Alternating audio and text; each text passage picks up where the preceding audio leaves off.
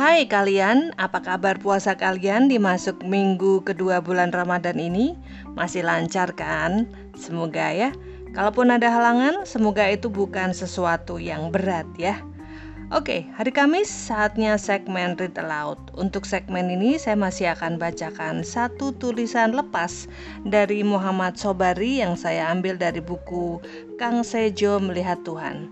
Seperti yang sudah pernah saya katakan minggu lalu, ada beberapa tulisan dari buku ini yang akan saya bacakan di sini. Untuk judul tulisan yang akan saya bacakan ini adalah Doa Kang Suto Hampir mirip dengan kisah Parmin, tukang beca yang sempat terjerembab di dunia porkas yang sudah saya bacakan minggu lalu. Kali ini Kang Suto menjadi sosok utama dalam kisah menyentuh ini. Oh ya, ngomongin sedikit tentang buku ini. Jika kalian mengira buku ini penuh dengan kisah semacam Parmin, Kang Suto, atau Kang Sejo, maaf ya, kalian salah. Kenapa? Sebagian kisah di sini sebenarnya bahkan uh, berlatar belakang masa kecil penulis di tahun 60-an. Beberapa bahkan bercerita tentang pergolakan politik yang terjadi di tahun 65 dan sebagian lagi adalah pengalaman penulis selama tinggal di Australia. Pertemuannya dengan berbagai kalangan memperkaya buku ini. Sebagian dapat mudah saya pahami. Sebagian besar lainnya kok susah ya buat saya? Ilmu saya emang segini-segini aja. Ditambah nggak bisa nambah nggak ditambah tambah parah. Baiklah ini dia doa Kang Suto dari Muhammad Sobari dari buku Kang Sejo Melihat Tuhan.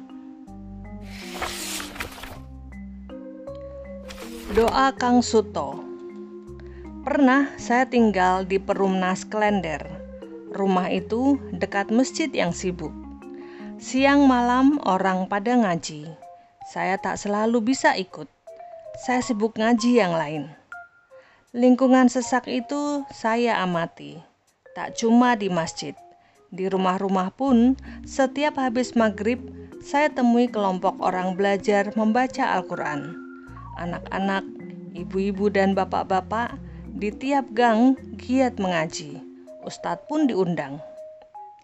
Di Jalan Malaka bahkan ada kelompok serius bicara sufisme. Mereka cabang sebuah tarekat yang inti acaranya berserah pada Tuhan. Mereka banyak zikir. Solidaritas mereka kuat. Semangat agamis. Pendeknya menyebar di mana-mana. 20 tahun lebih di Jakarta, tak saya temukan corak hidup macam itu sebelumnya.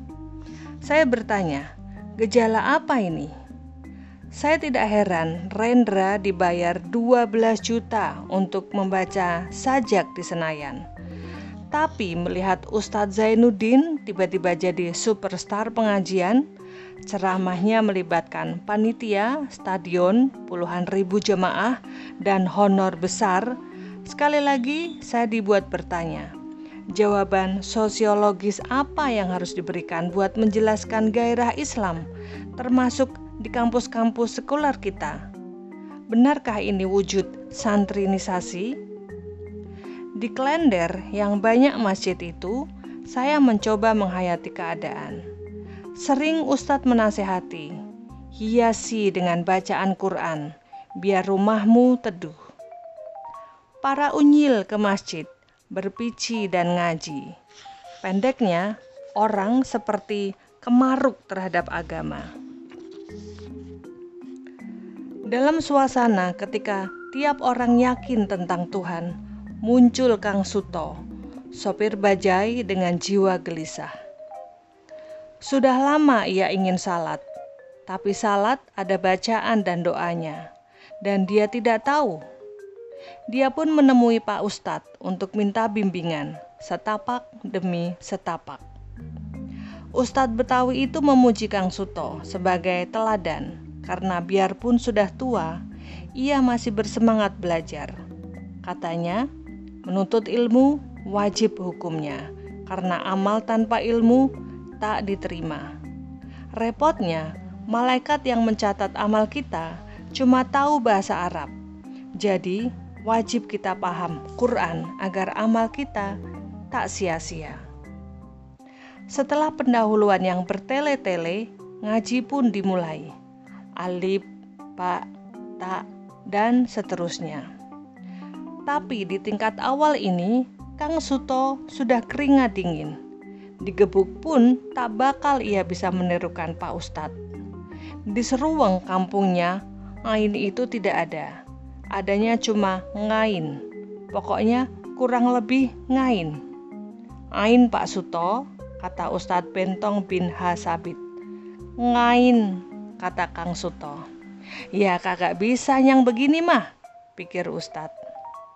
Itulah hari pertama dan terakhir pertemuan mereka yang runyem itu.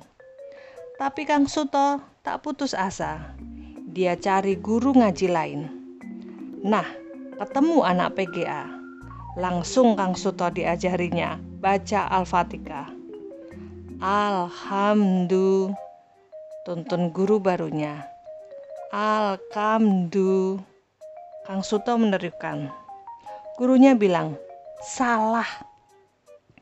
Alhamdulillah. Panjang sekalian pikir gurunya itu. Lakamdulillah. Guru itu menarik napas.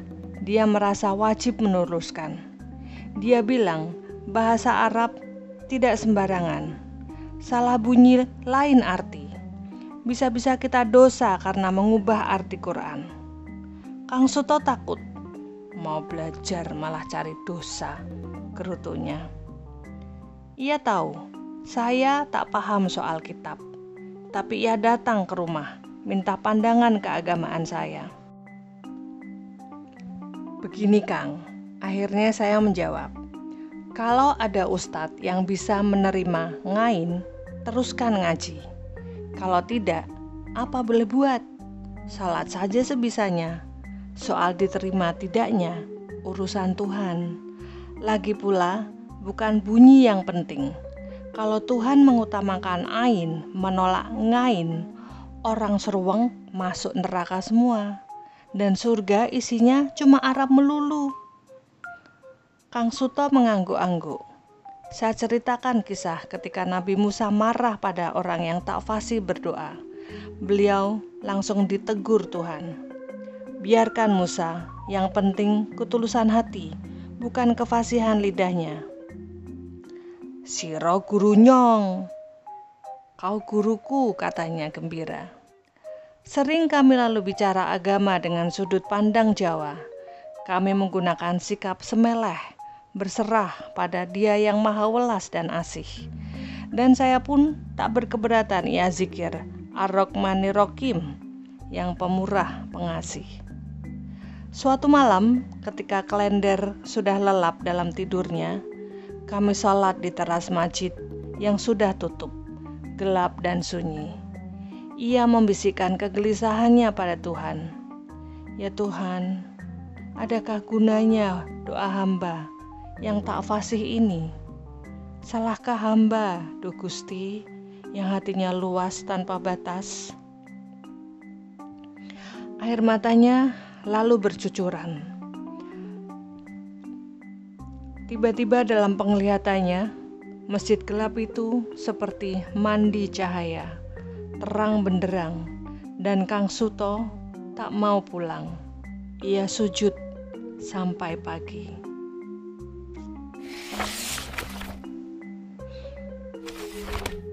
Bagaimana? Terus terang, pertama kali membaca ini saya rasanya seperti menjelma menjadi Kang Suto yang tengah sujud dalam hingga melihat sekeliling menjadi terang benderang dan air mata saya juga ikut merebak. Sungguh keimanan dalam level seperti apa yang bisa menghadirkan cahaya terang benderang di tengah kegelapan. Duh, sampai kapan ya iman saya menjadi sedemikian tinggi? Kayaknya sih mencemburui hal semacam ini tidak pada tempatnya karena tempaan iman masing-masing orang kan beda-beda kan ya. Jadi ya yang bisa dilakukan hanya menambah tawakal dan berharap suatu saat nanti level iman ini bakal meningkat. Amin. Terima kasih sudah mendengarkan. Tetap sehat dan bahagia ya. See you when I see you.